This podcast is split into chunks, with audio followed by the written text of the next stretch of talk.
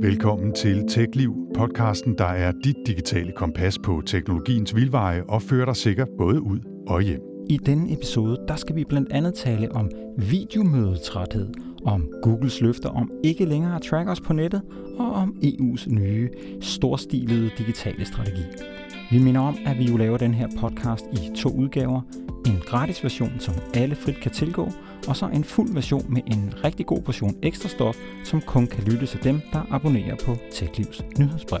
Så når betalingsdøren er lukket og låst i dag, så kan TechLivs medlemmer altså også høre vores tema, hvor vi denne gang ser på nogle af de vidt forskellige anvendelser af kunstig intelligens fra coronadiagnoser til selvkørende biler og meget mere, og vurdere, hvor godt det egentlig går med dem. Og så bliver der selvfølgelig også tid til at trække en ny brik op af bonusposen, og så lukker vi festen med ugens tip.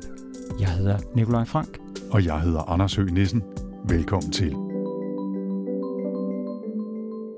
Men Nick, inden vi går i gang med nyhederne, så er der jo fast tradition for lidt opfølgning, og øh, i sidste episode af TechLiv, der tippede du jo om et site, hvor man kunne udregne, hvilken elbilladeløsning, der vil være bedst og billigst med udgangspunkt i, hvor langt man kører osv. osv. Hvad var det nu lige, det site hed? Anders, nu jogger du mig jo simpelthen lige på mit virkelig ømme knæ, fordi jeg kom jo til at sige, at flere omgange, at hjemmesiden hedder balser.dk. Og det hedder den altså ikke. Den hedder nemlig balser.eu, og så er det skråstreg ladepriser. Jeg staver det lige b a l t z e r.eu skråstreg ladepriser. Jeg beklager altså virkelig meget, men jeg vil gerne igen opfordre alle til lige at tjekke den hjemmeside ud, hvis de har, har brug for at blive kloge på, hvordan man billigst lader en elbil. Ja, det kan være en øh, fin side at tjekke, hvis man skal finde en opladeløsning til hjemmet, men det nytter jo ikke så meget, hvis man kører tør for strøm ude på vejen. Og det er her øh, opfølgningen kommer ind. Det var ikke for at sparke til dit ømme knæ i, i virkeligheden, fordi jeg siden sidst der er faldet over et par virksomheder, som er sådan en slags øh, madudbringningsløsninger, bare med strøm. Et af firmaerne hedder Spark Charge, og der er et par andre også, dog primært i USA. Og ideen er ganske enkelt, at hvis man kører tør for strøm, så kan man ringe til en af de her startups, og så kommer de trillende med et stort batteri og lader ens bil op. Ikke nødvendigvis til fuld kraft, men forhåbentlig nok til, at man kan finde hjem eller hen til en ladekontakt.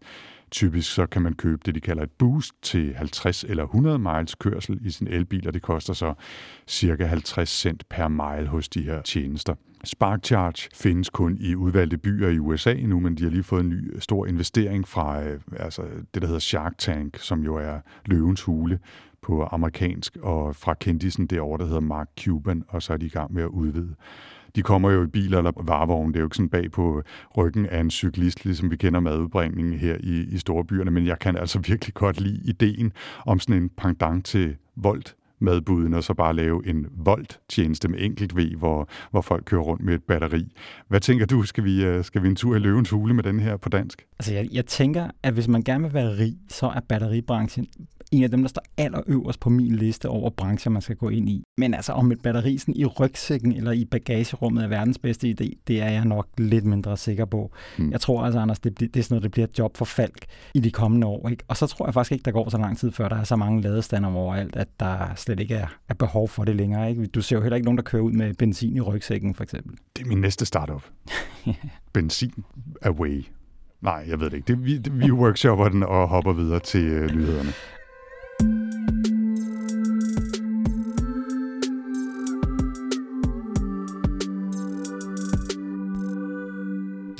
Lad os komme i gang med den her episodes nyheder. Anders, du får lov til at starte. Ja, og jeg begynder med politirapporten fra Sydjyllands politi. Fartkontrol igen på Spangsbjerg Møllevej i Esbjerg. 74 kørt for stærkt og får en hilsen fra politiet. Fire af dem fik et klip i kørekortet. Højeste hastighed 79 km i timen. Og nej, før du begynder at bryde ind, Nick, så var det selvfølgelig ikke øh, det, der var den første nyhed, fordi det handler i virkeligheden om et stort hack på en masse e-mail-server.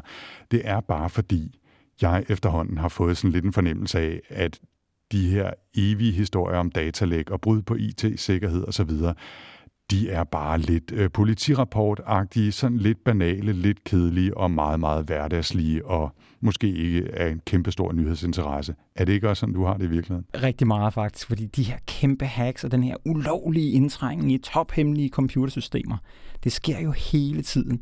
Altså det er jo efterhånden blevet en større nyhed, at der har været indbrud i Silvan, eller at der er nogen, der har, har smuglet narko. Ikke?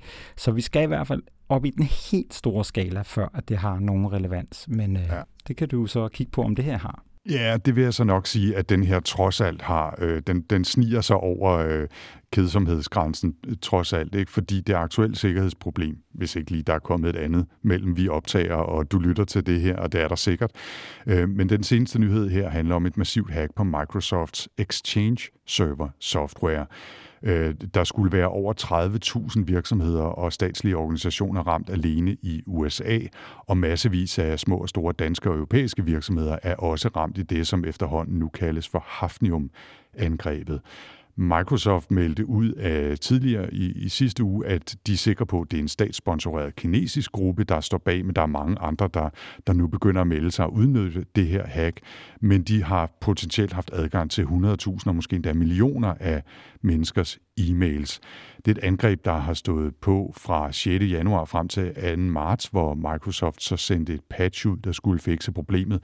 Men følgerne af angrebet bliver stadig løbende afdækket, og Microsoft sender i øvrigt også stadig flere patches ud for at, at takle det her hack.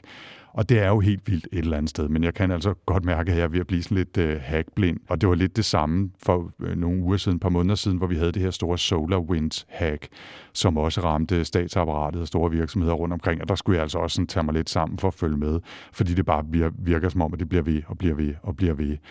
Og i virkeligheden så minder det jo mig om de lige så eventlige historier om tracking og nedbrydningen af vores digitale privatliv, selvom der så engang imellem dog sker lidt positivt på den front. Ikke? Det gør der, men inden at jeg kommer til den positive historie, så synes jeg, Anders, at det er så vigtigt lige at, at, at se på forskellen, fordi det her med indbrud i IT-systemer, det er, jo, det er jo ulovligt. Det er jo en sag for politiet, for efterretningstjenester og for domstolene.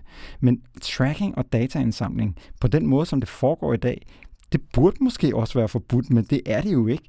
Og det er jo også derfor, man kan sige, at vi dækker det så meget. Det er jo fordi, at det er vigtigt, at det bliver i talesat som et problem, som man faktisk burde gøre noget ved fra politisk hold. Men nu til sagen. Fordi folkene bag den her stærkt privatlivsfokuserede browser, der hedder Brave, de har netop meldt ud, at de er ved at udvikle en søgemaskine. Og helt ligesom at Brave-browseren er i konkurrence med Googles Chrome, ja, så skal søgemaskinen jo også konkurrere med Google Search.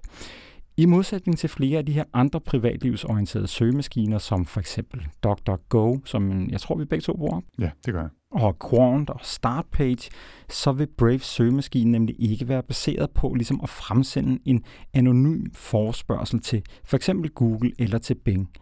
De vil simpelthen bygge deres egen søgemaskine helt fra bunden af.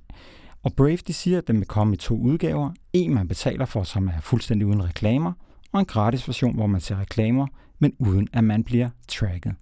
Der er ikke sat nogen dato på endnu, hvornår Brave de forestiller sig, at de er klar til at lancere den her søgemaskine, men man kan i hvert fald skrive sig op på en venteliste på Braves hjemmeside, hvis man altså tør at give Brave sin e-mailadresse. For os, der synes, det lyder rigtig spændende, og det gør jeg i hvert fald, med sådan et ægte søgealternativ, så er der faktisk flere potentielt gode nyheder, fordi der er en anden ny søgemaskine på trapperne, som har navnet Niva. Og folkene bag Niva, de er faktisk i overvejende grad tidligere højt placerede Google-folk. For eksempel er medstifter og direktør, som hedder Sridhar Ramashami, tidligere chef for hele Googles annonceafdeling. Så det er altså folk, der ved, hvordan reklamer de påvirker søgeoplevelsen. Og Niva, de håber altså, at øh, folk vil betale for at slippe for reklamer, og de mener, at det med, at man ikke har reklamerne derinde, gør, at det bliver en bedre søgeoplevelse, fordi man ikke optimerer søgninger i forhold til det. Så Niva, de er altså forløbig kun tilgængelig i en lukket udgave, men det skulle altså åbne op for flere beta-brugere i løbet af foråret. Ja, jeg kan lige sparke ind her, at jeg faktisk øh, skrev mig op til test af Niva i juli måned sidste år, altså sidste sommer, men der vil de kun have beta-tester i USA. Så jeg har ikke hørt noget siden, øh, og jeg er lidt spændt på, hvornår vi får mere at vide, om det så bliver i løbet af foråret her. Så vil jeg også lige sige igen, at efter nyheden om Braves søgemaskinearbejde øh, her, har jeg tjekket Brave igen. Det er en browser, jeg har været forbi flere gange, sådan, når de er kommet ud med nye features. Og det er altså en ganske udmærket browser, hvis man er bekymret for sit privatliv. Altså, man får fine rapporter om, hvor mange øh, cookies den har blokeret, og hvor mange tracker man undgår ved at bruge Brave. Og så er den fin, fordi den kører på Chromium, og øh, det betyder, at tjenester, som man ellers kun kan bruge i Chrome fra Google, de faktisk kan køres i Brave, og det er jo også ret fint. Den mangler sådan lidt i polish, og der er nogle funktioner, der ikke er helt på plads endnu. Men, øh, men jeg synes faktisk, det er et ganske udmærket alternativ, og man kan jo tage den frem og bruge den i gang med og se, om den er kommet videre. Hvis vi lige kigger på, på søgningen og bliver ved det, så er Braves største konkurrent jo Google, selvfølgelig.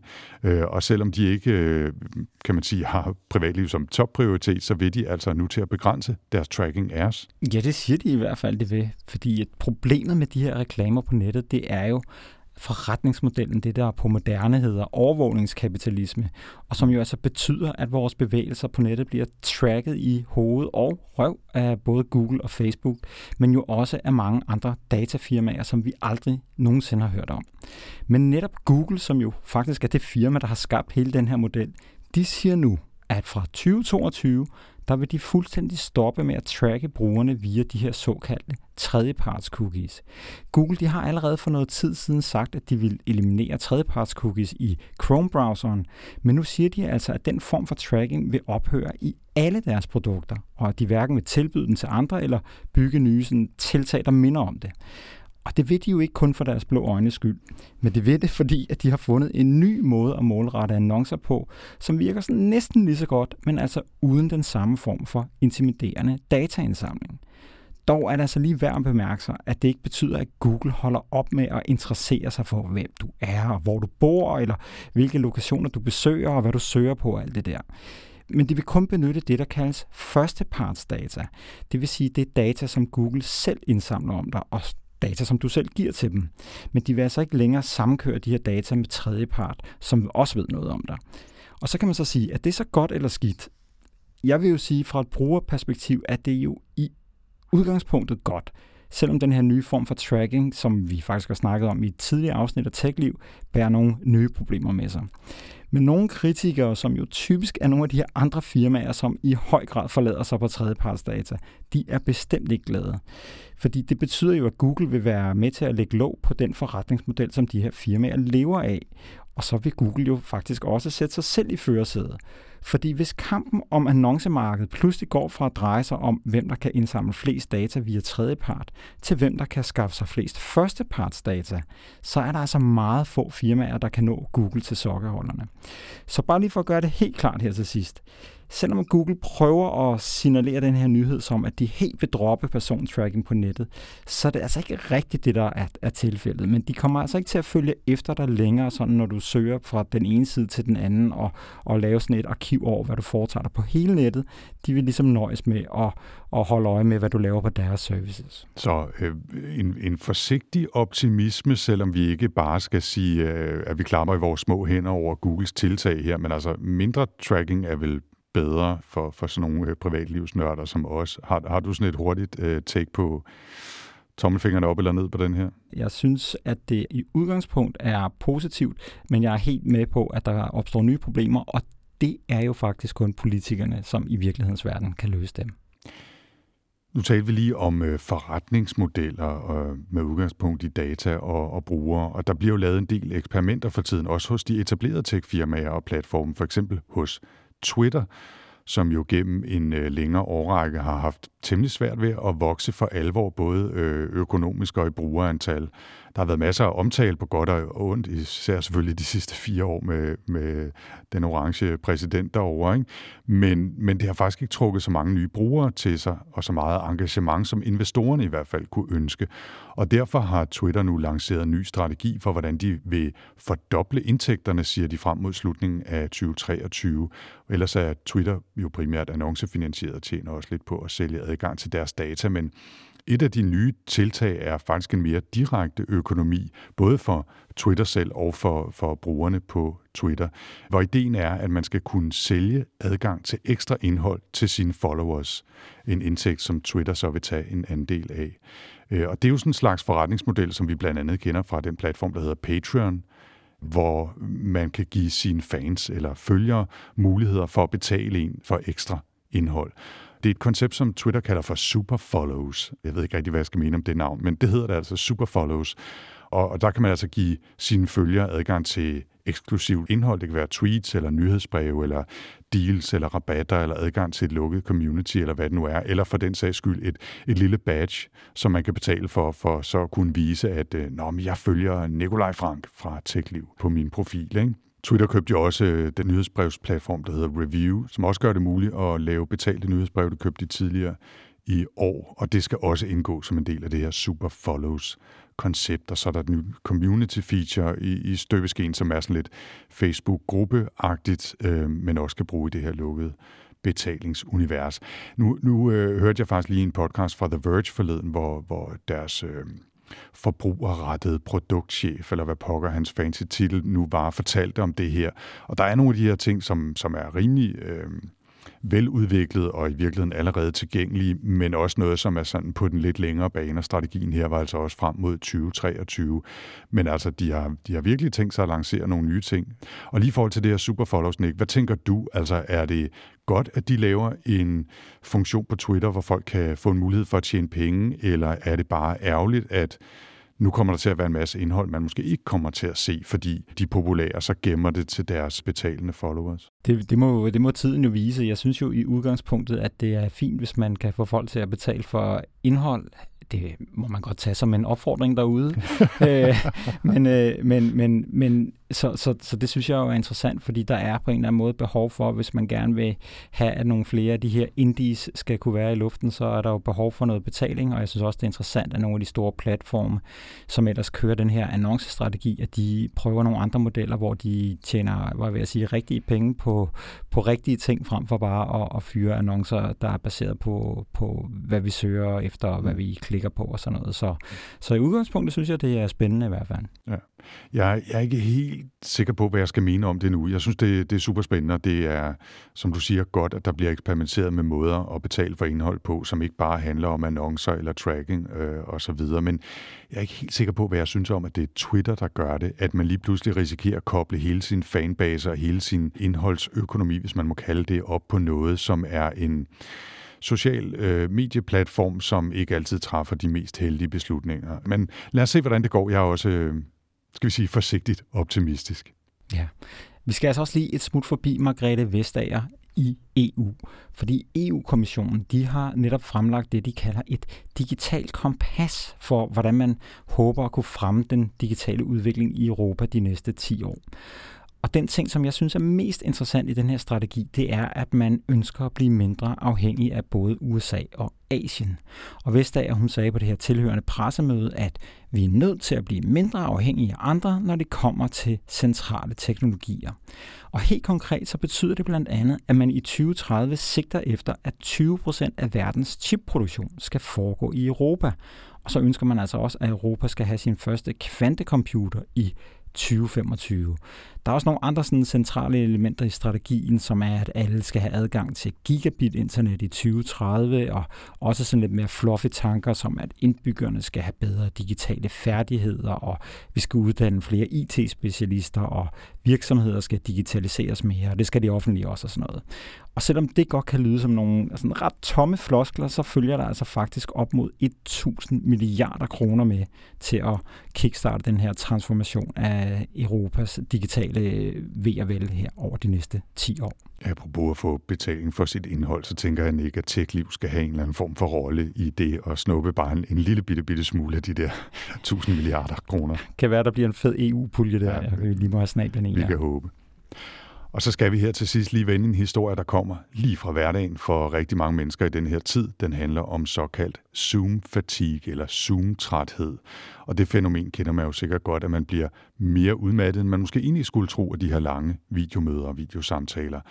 Og nu har forskere fra Stanford University undersøgt fænomenet for at finde ud af, hvorfor vi bliver så trætte, og de har identificeret fire gode og logiske grunde til, at øh, de her samtaler er så opslidende.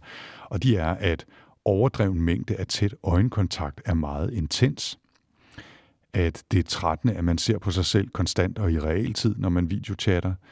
At videochatter reducerer vores sædvanlige mobilitet dramatisk, og at den kognitive belastning er meget højere i videomøder. Og øh, måske lige i forhold til den sidste der, så handler det om, at vi blandt andet øh, normalt er ret gode til at aflæse hinandens kropssprog for at se, om folk er uenige eller enige med os. Men når vi kun kan se folks ansigter, folk typisk sidder sådan ret stille og stiger på kameraet, så bruger vi ekstra meget energi, altså kognitiv beregningskraft, kan man sige, op i hjernen, på at afkode hvad de her mennesker egentlig mener. Meget mere, end vi vil bruge, hvis vi sad over for dem fysisk. Du siger stiger stille. Altså, der er vel nærmere tale om, at folk bare sidder og zoner ud og sådan, øh, er halvt forsvundet, eller hvad? Ja, ja, nej, det sagde jeg, du, og ikke jeg. Jeg lytter altid Nå, opmærksom, ja, det det, når jeg er med yes, ja. i videomøder. Øh, Godt, ja. ja, ja. Men, men øh, nu er vi faktisk så heldige, at de her forskere fra Stanford også foreslår øh, nogle ting, man kan gøre for at, at blive mindre træt af at være med i videomøder.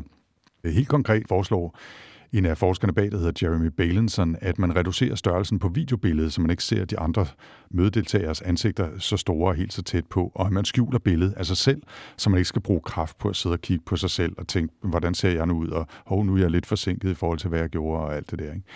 Så foreslår han også, at man bruger et eksternt kamera, så man kan komme lidt længere væk fra skærmen og kameraet, som gør, at man også kan vise øh, lidt mere af sit kropssprog, så det bliver nemmere at afkode hinanden. Og så foreslår han simpelthen helt lavpraktisk og banalt, at man slår videoen fra og kun beholder lyden, så man får en pause fra at stige på andre og blive stiget på. Det er sgu da news you can use. Og så vil jeg bare lige tilføje her, at vi har jo faktisk også en video kørende, mens vi optager TechLiv, men jeg kigger overhovedet ikke på dig, Nick. Stort set ikke i hvert fald. Jeg kigger bare øh, i vores manus og på min lydoptager, så jeg føler mig sådan rimelig afslappet. Ej, men nu ser jeg jo simpelthen også så knald godt ud, at du vil godt forstå, at det bliver lidt hardcore, hvis du bare skal sidde og kigge på mig der i en, i en hel time træk.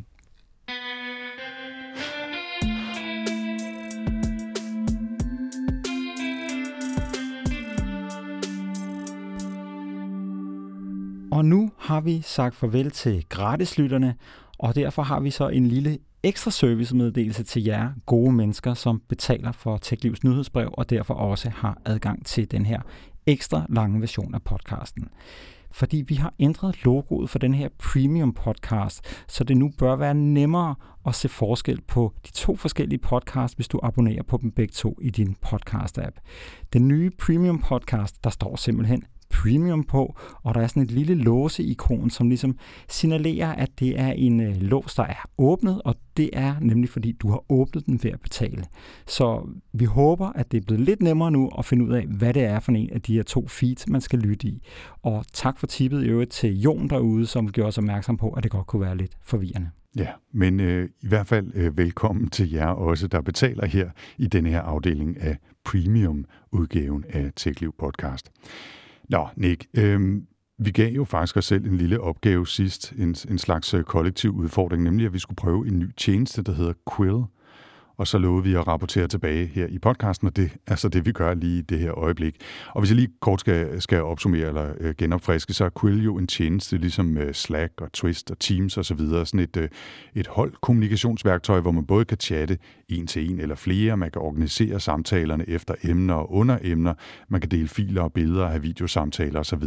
Nu er vi jo et meget, meget lille team, altså vel nærmest det mindste, man kan have, øh, og vi har ikke øh, sådan stresstestet Quill Quill, men vi har brugt det de sidste 14 dage, og kan vel give vores øh, umiddelbare indtryk i hvert fald. Øh, og Nick, nu var det jo noget, jeg tvang ned over hovedet på dig, så jeg synes næsten, du skal have lov til at sige, om du synes, det var okay. Jamen altså, som vi snakkede om sidst, så har vi brugt Slack i mere end seks år, tror jeg.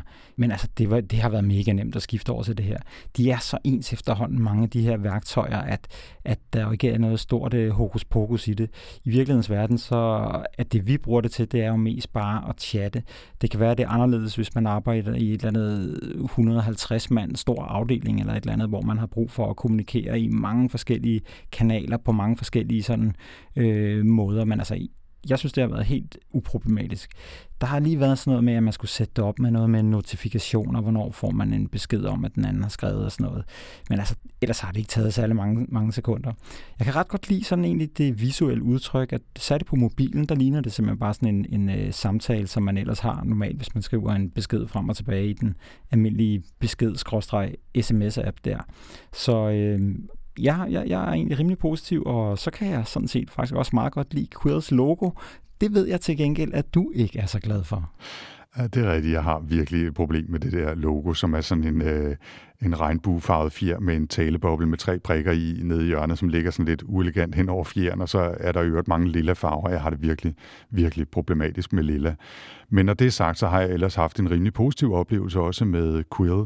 Øh, den tjeneste, der lige er kommet ud af stealth og langtidsudvikling, men der kommer hele tiden masser af updates og fixes og nye features. Man har virkelig en fornemmelse af, at der sker noget. Det synes jeg er rigtig, rigtig fedt så er der de der små knaster. Det kan være svært lige at finde ud af, hvordan man skal indstille notifikationer, og på Mac-appen, der skal jeg nogle gange klikke to gange, for ligesom at kunne svare med en emoji på en besked, du skriver, og man skal lige tænke lidt over, hvordan man organiserer det her i channels, i samtaletråde og i direkte beskeder osv., men, men det skal man sgu også i Slack og Teams osv., så, videre. så på den måde øh, ligner det, som du siger, øh, rigtig meget af de andre tjenester, der eksisterer. Men jeg synes, jeg synes, det er fint, og jeg er faktisk rigtig glad for det, og det kan godt være, det er bare nyheden til interesse, men jeg, jeg kan faktisk bedre lide interfacet end Slack for eksempel. Øh, og så kan det i øvrigt bruges i ret vid udstrækning gratis, men har man så behov for mere uploadpladser, fuld søgehistorik og den slags, så koster det til gengæld forholdsvis voldsomt 15 dollars per bruger per måned. Men altså, man kan bruge den gratis version ret langt hen ad vejen, så Ja, jeg tænker, vi bliver ved Quill lidt endnu. Er du med på det? Ja, det er, det er, det er faktisk cool med. Det er mm. Så. Nå, Anders, nu skal vi altså til ugens bonuspose, og det er blevet din tur til at trække. Og øh, jeg kan sige, at øh, til gengæld har det været min, min, min, min chance den her uge til at snyde lidt med brikkerne. Du kan jo prøve at trække en, og så se, hvad der står på den. Okay, jeg prøver at trække, og det gør jeg nu.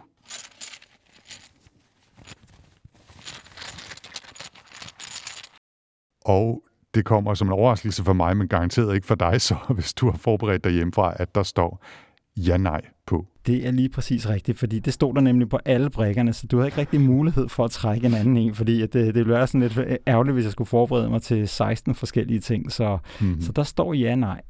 Og det fungerer sådan her, at jeg har mhm. lavet tre spørgsmål til dig, og du må kun svare ja eller nej, og så kan vi lige efterfølgende vende tilbage til, til hvorfor du har svaret det ene eller det andet, hvor du kan få lov til at uddybe. Men i udgangspunkt kun ja eller nej. Okay. Jeg vil sige til dig, der er ikke noget rigtigt eller forkert. Det er kun, hvad du tror. Og det er alt sammen noget, der bunder i nogle nyheder, der har været i den her uge. Så... Okay, jeg kan, bare, kan jeg bare lige sige, at, at jeg kan mærke, at jeg nærmest sidder og holder vejret, fordi jeg er så nervøs nu. Okay, ja. det, kan jeg så, det kan jeg så sige til dig, at øh, bare vent, du, så falder du ned af stolen, når du hører det. Så. okay, Ej, no, det, det, er ikke, det er ikke slemt. Mm. Det første er, Mark Zuckerberg har i den her uge sagt, at i år 2030, der kan vi bruge avancerede smartbriller til at teleportere os til andre lokationer. For eksempel hjem i andre folks hjem, hvor vi kan sidde på sofaen, altså i den fysiske sofa, som står derhjemme, og opleve det fuldstændig som om vi er fysisk til stede. Tror du på det? I 2030, ja eller nej? Nej. Godt, vi vender tilbage til det bagefter. Spørgsmål nummer to. Mm.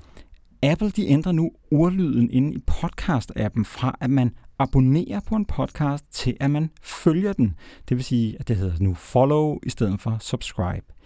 Er det mund fordi de snart gør det muligt for almindelige podcaster at sælge betalingspodcast inde i Apple Podcast, og de derfor har brug for ligesom at, at tage det her ord subscribe, altså abonnere, og holde det til side til det? Nej. Jeg tror, jeg må sige nej. Du siger nej. Okay. Mm. Og det sidste spørgsmål, det, det var en, måske lidt før vi, vi finder ud af, om du får ret der, men bitcoin-kursen, den har vi jo snakket om et par gange efterhånden, ikke? Den er i dag mere end 57.000 dollar. Jeg tror sidste gang, da vi snakkede, der havde den vist lige været nede på 45 eller sådan noget der omkring. Mit spørgsmål er, passerer den 100.000 dollar i år? Jeg går all in på øh, et nej-hat-trick. Godt, du har taget nej-hatten på. Det er rigtig godt at høre. jeg har taget nej-hatten på, ja. Men, jeg er sur for en sikkerheds ja, Jeg tænker bare, skal vi ikke lige tage dem bare lynhurtigt? Du sagde nej til, at vi i 2030 kan bruge de her avancerede smartbriller, som Zuckerberg snakker om, som, som til, hvor vi ligesom kan teleportere os, for eksempel på arbejde eller hjem i andre stuer. Hvorfor siger du nej til det? Det gør jeg, fordi jeg tror, der kommer til at gå længere tid end, øh, end de her ni år øh, op til deadline 2030. Altså jeg tror sådan set på visionen og kan se en masse værdi i det, men hvis man kigger tilbage på de sidste 10 års udvikling af virtual reality goggles og den slags, så er det altså gået væsentligt langsommere end, øh, end mange spåede, og som jeg sikkert også var meldt med til at spå tilbage i 2011-12 stykker, hvor det begyndte at blomstre op igen. Og, øh, og jeg tror, det er det samme med augmented reality og, og smarte briller, som kræver nogle virkelig avancerede teknologier. Øh, på mange måder også mere avancerede end VR. Så jeg tror simpelthen, der kommer til at gå længere tid. Ja, det kan være, du får ret. Jeg, altså, jeg, jeg synes også, det lyder ret optimistisk, i hvert fald i den, den vision, som han ligesom øh, lægger ud her, hvor, altså, hvor at du ikke kan mærke, at du ikke sidder i rummet. Det lyder næsten så vanvittigt, at man ikke øh, helt kan forstå det. Så det lyder næsten helt Elon Musks som bare slynger et eller andet crazy ud ja. i, i verden. Ikke? Jeg kan jo sige, at jeg har, jeg har hørt den podcast, hvor han siger det her, som er en 45 minutter lang podcast, og han er altså meget, meget dybt inde i det her projekt. Det er ikke bare sådan noget, han sidder og fabulerer lidt om. Han har virkelig fingrene nede i maskinen, når det drejer sig om, hvordan det er, at de skal udvikle de her teknologier, og han ved jo ligesom, hvordan det er, deres, i hvert fald deres, øh, deres plan er for det. Ikke? Så, mm. så det, det var ret spændende egentlig at høre. Det var meget rart egentlig for en gang skyld at høre et interview med ham, som var helt ukritisk, hvor han bare snakkede om noget, som han faktisk ved noget om. Men når man mm. får ret, det ved vi først i 2030. Så. Ja. Lad os lige tage den anden der. Det der med, mm. at Apple de ændrer den her ordlyd, tror du bare, det er sådan en, en, en, øh, en, en sådan en lille optimering af, at, at det giver mere mening at fortælle folk, at de følger noget, fordi at man bliver forvirret af, at ja. koster det noget, hvis man abonnerer på det, eller, eller hvad? Det tror jeg faktisk. Altså, øh, det vil være mit umiddelbare take. Øh, selvfølgelig har Apple begyndt at, at mm, blafre lidt med vingerne, ved jeg ikke, om man kan kalde det, øh, vippe med en fjer inden for podcaster og produceret nogle ting selv osv. De kan jo også se truslerne fra Spotify, som vi har snakket og skrevet meget om i, i et tech-liv. Men lige det her, det tror jeg sagtens kunne være en, altså sådan en, en næsten kosmetisk service over for brugerne og sige, det du gør nu, det koster ikke penge. Du følger bare den her podcast. Du øh, betaler ikke abonnement. Det bliver ikke trukket nogen steder fra. Så efter du har abonneret på noget i 13 år, så gør du det ikke længere? Eller for hvor lang tid det er, de har haft den app der? Jo, jo, men altså, man skal jo, man skal jo aldrig sige, at, øh, at man ikke kan ændre noget, bare fordi det havde eksisteret længe, hvis man synes, at det nye er bedre. Så, øh. Det kan være, ja. Den sidste, bitcoin-kursen, passerer den 100.000 dollar i år? Du sagde nej. Altså, det er jo gået så crazy meget opad her det senere, på det seneste, så who knows. Altså, men, men jeg synes bare, det lyder som om, der er langt derop, og det går lige så meget ned, som det går op. Ikke? Og selvom der har været en, en stor bølge nu med Elon Musk og opkøb, og hvad var det, Stripe, der har købt en masse bitcoin også, eller øh, det kan jeg ikke huske. Men, Nej, det var, øh, hvad hedder det, Square? Square, ja. ja. Øhm, ja. Så, så har jeg lidt en fornemmelse af, at det, den kurs, vi ser nu, er stadigvæk sådan lidt efterdønningerne af den bølge, og så falder det sgu nok lidt igen derhen af. Men altså, mm, vi, kan, vi kan ved de bitcoin, jeg har tilbage. Øh, ej, det er dejligt. Hvis, de, hvis den stiger til 100.000, så er det jo lige pludselig menneskepenge, så det gør vi ikke. Men tak for udfordringen, og øh, jeg er glad for, at jeg trak en, en ja-nej. Øh, spændt på at se, hvad der ligger i posen til dig næste gang. ja.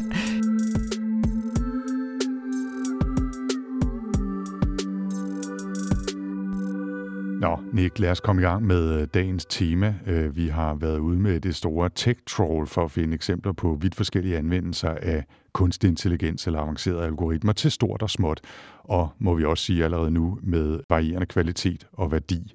Og øh, vi har samlet øh, lidt historie ind, som sagt, og tager dem sådan lidt på skift og kommenterer derhen af. Og Nick, vil du ikke øh, lægge ud? Jo, det vil jeg gerne, men jeg vil gerne lige knytte en lille kommentar, inden vi går i gang. Fordi jeg synes, det her med, at vi snakker om kunstig intelligens eller AI, jeg synes faktisk, det er et, et virkelig forkert ord. Og jeg er begyndt at bruge ordet computerintelligens i stedet for, fordi jeg synes, det er et langt bedre udtryk. Som vi blandt andet skal høre her om lidt, så er det altså ret tydeligt, at en computer den opfatter og lærer på en helt anden måde, end vi mennesker gør. Og derfor mener jeg ikke rigtigt, at vi kan tale om, at det er en slags kunstig menneskelig intelligens. Fordi det er en helt anden form for intelligens, hvis man da overhovedet kan tillade sig at kalde det det. Glimrende pointe, men øh, vi har altså øh, snuppet en håndfuld nyheder, som handler om computerintelligens. Og, øh, og du starter i virkeligheden lidt med en øh, solstrålehistorie så. Ja, det gør jeg, fordi at det er Waymo, Googles førerløse bilfirma. De har publiceret sådan en akademisk rapport, hvor de har testet, hvordan deres autonome bil ville have klaret sig, hvis den havde været involveret i en af de 72 dødsulykker, som der har været i årene mellem 2008 og 2017 i sådan et lille område i Phoenix i Arizona, som hedder Chandler. Det er det område, hvor Waymo, de, som det eneste firma i verden i øvrigt, kører sådan noget ægte førerløs taxakørsel, altså hvor bilerne kører rundt uden nogen bagrettet. Og der har Waymo, de har indsamlet sådan detaljerede oplysninger fra politiet om, hvordan de her ulykker er foregået, og så har de puttet dem ind i deres computer. Og inde i den her simulator, der har de så erstattet bilerne i, i ulykkerne med deres såkaldte Waymo Driver. Og så har de simuleret situationen, som førte til ulykken, og set, hvad deres bil ville have gjort. Og i samtlige tilfælde, hvor Waymo agerede den bil, som ligesom var skyld i ulykken, der ville Waymos bil faktisk have undgået ulykken. I de tilfælde, hvor Waymo-bilen i stedet for var puttet ind som den bil, der ligesom blev ramt, der ville de have undgået mere end 82 procent af ulykkerne. I 10% af tilfældene, der ville Waymos førerløse bil have kunne minimere ulykkens omfang, mens de i de sidste 8% ikke har haft nogen chance for at, at undgå ulykken, og det er typisk, sådan, hvis du holder stille ved et rødt lys, og der er en, der påkører dig bagfra eller noget. Nu skal man altså lige huske på, at det er Waymo selv, som har lavet den her undersøgelse. Men det, jeg synes, det giver en eller anden form for et, et fingerpræg om, at øh, førerløse biler og den her kunstige intelligens eller computerintelligens faktisk vil kunne nedbringe ulykkestatistikken sådan ret dramatisk. Ja, jeg synes, det er en øh, super spændende nyhed, og som du siger, så skal man selvfølgelig lige tage det med det grænsalt, der hedder, at det er Waymo selv, der, der laver statistikken og analyserne her nu har jeg ikke været inde og grave dybt ned i, i rapporten her, eller tallene, men jeg synes måske et af de interessante tal, som jeg lige vil slå ned på, det er, at hvis man, hvis de laver en simulation og, og ligesom lader som om, at de øh, har, har øh, er den bil, der er blevet ramt af en anden. Altså, når de, som du siger, agerede den bil, der bliver ramt i ulykken, så ville de have undgået mere end 82 procent af ulykkerne.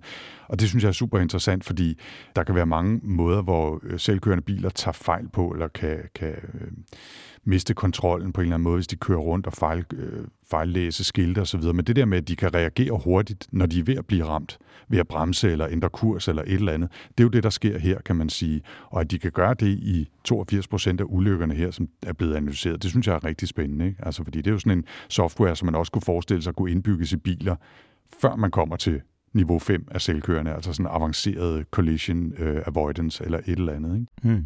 Det her det er jo sådan relativt øh, imponerende, når det, når det lykkes, som for eksempel her med, med Waymo selvkørende biler, men det hører altså også med til historien, at det lige så ofte, hvis ikke endnu oftere, går galt, og nogle gange så er det helt crazy, hvor lidt der skal til for at forvirre en algoritme eller computerintelligensen. Senest så har forskere fra det, der hedder OpenAI, fundet fejl i deres ellers relativt avancerede system, der hedder CLIP, som er designet til at forbinde tekst og billeder. Man kan for eksempel sige, at øh, et klip skal finde billeder af ordet banan, og så vil den så i de fleste tilfælde i hvert fald kunne identificere sådan en, en gul frugt blandt alle mulige andre objekter. Men så har de prøvet at forvirre den ved at sætte bare et lille stykke papir på et æble, og på det stykke papir, der står der iPod. Så man kan godt se, at der er et æble, men der er altså også et lille stykke papir på en lille lap, hvor der står iPod. Og så tror Klip altså pludselig, at æblet er en iPod. Det, det, det er et relativt nemt hack at lave, kan man sige. De har også øh, i et andet forsøg tegnet et lille dollartegn på en pudelhund, hvilket så får computersystemet klip her til at identificere pudelhunden som en sparegris øh, og det, de kalder det her for et typografisk angreb, hvilket jeg synes burde være titlen på en eller anden øh, science fiction bog. Ikke? Øhm, men jeg synes, altså for lige at slå en krølle tilbage til Waymo-historien, så, så er det altså virkelig vildt at forestille sig, at der ikke skal mere til at snyde en ellers forholdsvis avanceret algoritme, så hvis man stiller en papfigur op af et menneske, eller sætter en lille lap på forruden, hvor der står cykel, altså så kan man risikere, at systemet fucker helt op. Ikke? Det er lidt vildt. Det er nemlig lidt vildt, og, og, det, er jo det, og det er jo det, der er ligesom øh, problematikken i alt det her. Det er, det er så fantastisk lige indtil det ikke er det længere. Ikke? Men altså mm. kunstig intelligens eller neurale netværk, som jo er endnu et ord for den her teknologi, det bruges jo også mange andre steder, som, hvor det ikke altid er i det gode tjeneste. Og et eksempel på det, det er jo de her deepfake-videoer, som vi har set en, en, en del af, som man ikke rigtig kan sige, altså hvad skal de bruges til, som er godt? Eller kan det også bruges til noget godt, den her teknologi? Måske. I hvert fald så har mm. det israelske firma, som hedder MyHeritage, som udmærker sig ved at være sådan lidt en slags slægtsforsknings-app slash DNA-tester service. De har for kort tid siden tilføjet en ny feature, som de kalder Deep Nostalgia. Og teknologien er i grove træk den samme, som bruges i de her deepfakes, men i det her tilfælde, der er konceptet, at du kan uploade billeder af din afdøde bedste- eller oldeforældre, og så får du en video tilbage, hvor billedet pludselig er blevet vækket til live. Og altså fra at være et, måske et sort-hvidt stillbillede med sådan et øh, fastlåst ansigtsudtryk, så kan personen lige pludselig dreje hovedet og smile til dig og blinke til dig. Og det ser faktisk vanvittigt ægte ud, selvom det jo er fuldstændig fake. Og firmaet ved altså også godt, at det er en teknologi, der, der deler vandene, fordi som de skriver i deres øh, FAQ, og jeg citerer her, denne teknologi er fascinerende, men lidt uhyggelig. Synes du ikke? Hvad synes du, Anders? Jeg synes, at de skulle have lade være med at lave automatisk oversættelse til dansk af deres øh, presseside, men, men lad det nu ligge. Altså, jeg synes egentlig, det er super fascinerende, og jeg kan sagtens forestille mig, at det kan give sådan lidt et, et, et sus af, af nostalgi og, og glæde at se sin, øh, sin afdøde slægtning øh, dreje hovedet og smile og så videre. Ikke? Men, men, men der, hvor den sådan konceptuelt og følelsesmæssigt øh, også knækker lidt, det er jo, at det jo ikke bevægelser, som de mennesker øh, rigtigt har lavet. Det er jo ikke smil, de har lavet. Det er jo ikke øh, et løft af øjenbrynet, som, som man kendte, at de kunne gøre. Det er, jo, det er jo falsk, kan man sige. Ikke? Og det er måske der, den knækker lidt, men altså, jeg kan sagtens forestille mig, at der er nogen, der synes, øh, at, at det, er, det er fint at prøve. Men det der med, som de også foreslår firmaet, at man skal dele det på sociale medier og se, hvad folk siger og sådan noget, som du også skrev i artiklen på TechLiv, det skal man bare lade være med. ja, jeg ved det ikke. Jeg, jeg, er sådan, jeg, er, jeg er vildt splittet omkring det her, fordi et eller andet sted, så er det jo sådan, man kan godt sige, nå, men altså, hvad er problemet? Det er jo bare sådan lidt øh, hyggeligt øh, på en eller anden måde, men, men, men, men så tænker jeg også, fordi jeg synes, at det var fedt, når jeg ikke er her længere, der er nogen, der sidder og laver sådan nogle videoer af mig. Og hvad med, når vi når til det niveau, hvor man så også kan lægge lyd på, og jeg pludselig siger et eller andet, som jeg aldrig nogensinde har sagt, eller du ved, så, så begynder det pludselig at, at, at blive rimelig tricky. Ikke? Mm. Og jeg synes, vi skal altså lige snuppe et andet Mhm. eksempel her på noget lidt af den samme teknologi. Fordi i Sydkorea, der er så en tv-station, som er begyndt at teste sådan nogle deepfake-udgaver af deres egne tv-værter. Det vil sige, de har fået en falsk computeriseret kopivært, som ligner deres vanlige tv-vært fuldstændig på en prik, til at læse blandt andet breaking news-nyheder op, selvom de ikke er på arbejde. Og der begynder tingene altså også at blive lidt mærkelige for mig. Jeg ved ikke, om du kunne forestille dig, at Kåre Kvist sidder og læser tv-avisen op, men det er ikke Kåre Kvist, men en computerudgave af ham, men du kan ikke se forskel. Nu synes du, du strammer den lidt ved at bruge Kåre Kvist som eksempel. Men, øh, men altså, jo, jeg kunne sagtens forestille mig, at det, det kunne være øh, af værdi i situationer, ligesom man kan få øh, altså automatisk oplæsning af artikler og så videre i en snæver vending, når der ikke er nogen, der har lavet en podcast ud af det. Men altså, det er lidt... Øh, det er jo et forsøg, et eksperiment. Lad os se, hvordan det går med det. Ikke? Mm. Nå, lad os tage en, øh, en historie fra et andet område, øh, som øh, er sundhedsvæsen og, og medicin, hvor man også bruger rigtig mange af de her muligheder i, nu siger jeg kunstig intelligens, ikke? Øh, men avancerede algoritmer i hvert fald. Øh, for nylig der skrev vi om et studie, hvor forskere via et øh, Apple Watch kunne identificere folk, der var smittet med covid-19 ved at se på skift i deres hjerterytme, som altså blev målt via det her øh, Apple-ur, endda flere dage inden de kendte symptomer på coronavirus kunne spottes. Nu er der kommet endnu en smart måde, man kan identificere sygdom på, også ved hjælp af algoritmer. Det er forskere fra Essex University, som har udviklet en app, der kan lytte på en persons hoste og identificere, om den person så er smittet med covid-19, og ifølge studiet selv så er metoden 98 procent præcis.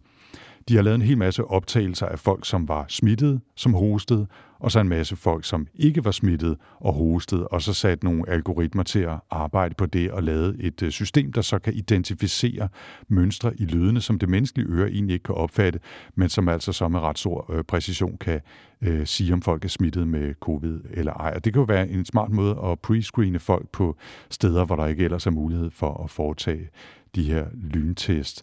Det er dog, siger forskerne, ikke helt noget til et stadie, hvor det bare er til at rulle ud, og i øvrigt ikke er, det er ikke valideret til officiel brug. Altså det er ikke været igennem en screening til brug på mennesker, om jeg så må sige. Ikke? Ja, man, altså man kan sige, det er, jo, det er jo også et super godt eksempel på, hvor man kan bruge det, og, og hvor at man kan sige, at hvis det ikke er noget, man forlader sig på, men man bruger det som sådan en, en ekstra ting, så kan det jo være ret spændende, øh, vil jeg sige. Mm. Fordi at, øh, skal vi ikke lige tage en sidste ting, hvor at det måske er lidt mere tricky bare at forlade sig på, at den er 92-97 procent sikker? Jo, jo, det synes jeg, vi skal. Øh, og det, det er måske øh, lige så meget, fordi det er et dansk firma, øh, som, som er i fokus her. Et firma, som hedder Clue, som laver sådan en, øh, en app, der kan bruges til at tracke ens øh, menstruationscyklus og ægløsning og den slags.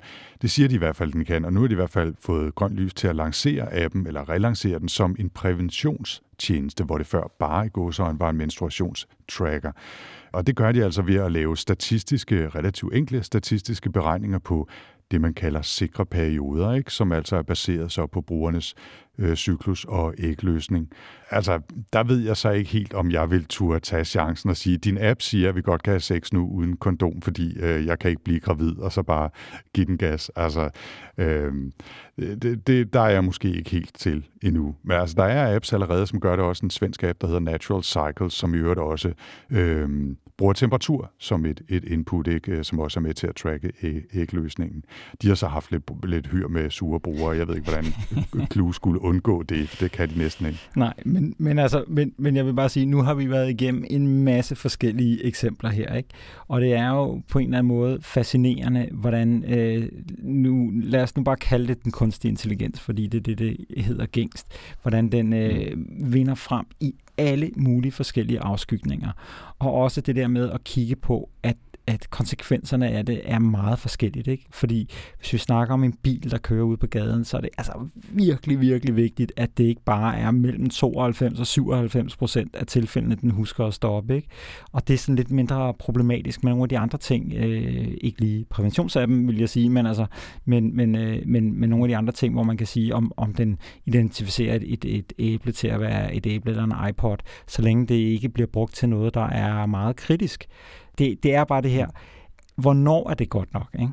Det er, men det, jeg synes, det er super spændende, og det var sjovt lige at, at samle en, en god håndfuld af små og øh, store historier øh, om anvendelsen af, lad os sige, computerintelligens dengang. Så tror jeg også, vi har fuld plade på at have brugt alle de forskellige udtryk, man, man kan om det.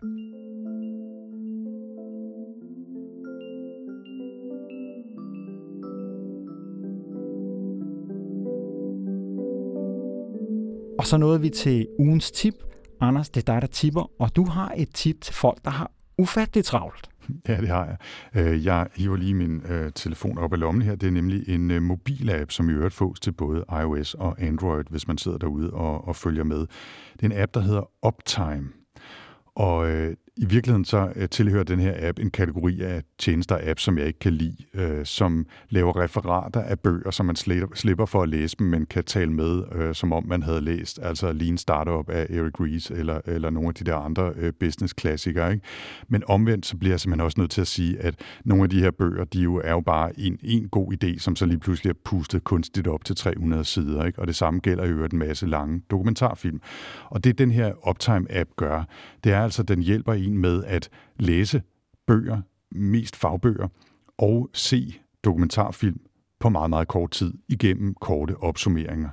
Og der er altså selvfølgelig et begrænset antal bøger nu, men mange klassikere, blandt andet The Selfish Gene, øh, Richard Dawkins klassiker fra 78, tror jeg, og øh, jeg fandt også en, en, øh, et referat, kan man sige, af den dokumentarfilm, der hedder I Am Greta, om Greta Thunberg, som jeg også lige havde set og kunne tjekke. Og det man får altså, det er et, et kort resume, som man enten kan læse, eller lytte, eller se. Og i virkeligheden er det lidt det samme indhold. Når man øh, lytter det, så hører man bare en oplæsning af det, en automatiseret oplæsning af referatet, og når man ser det, så er det sådan lidt citatbobler og korte pointer, der sådan øh, svæver rundt på skærmen. Men det er altså, indholdet er sgu øh, solidt nok. Altså, man får her af de tre hovedpointer i den her bog. Hvad er hovedargumenterne? Hvilken, øh, hvilken konsekvens har det haft? Og her er en vigtig case, og det tager måske fem minutter at pløje sig igennem det, og så har man i hvert fald et rimeligt indtryk af, om det er, øh, hvad det er for et indhold, der er i den her bog, om det måske øh, er en, man skal bruge tid på at læse i sin fulde længde. Og øh, altså, så vidt jeg kan se, så bruger de faktisk ikke kunstig intelligens til det. Det ville jo ellers have været meget apropos og interessant. Jeg tror, det er rimelig håndholdt. Men, øh, men det kan jo være, at når de har trænet det med nok data, at de så faktisk kan, kan lave en algoritme, de kan slippe løs på, på andre bøger. Så Uptime-appen, altså hvis du har alt for travlt til at læse alle de vigtige videnskabs- og businessbøger og se alle de mange spændende dokumentarfilm på Netflix. Du har da også kloget dig om så mange ting her på det seneste. Der. Ja, det, du har lige været forbi Uptime eller hvad? Det har jeg ingen kommentar til.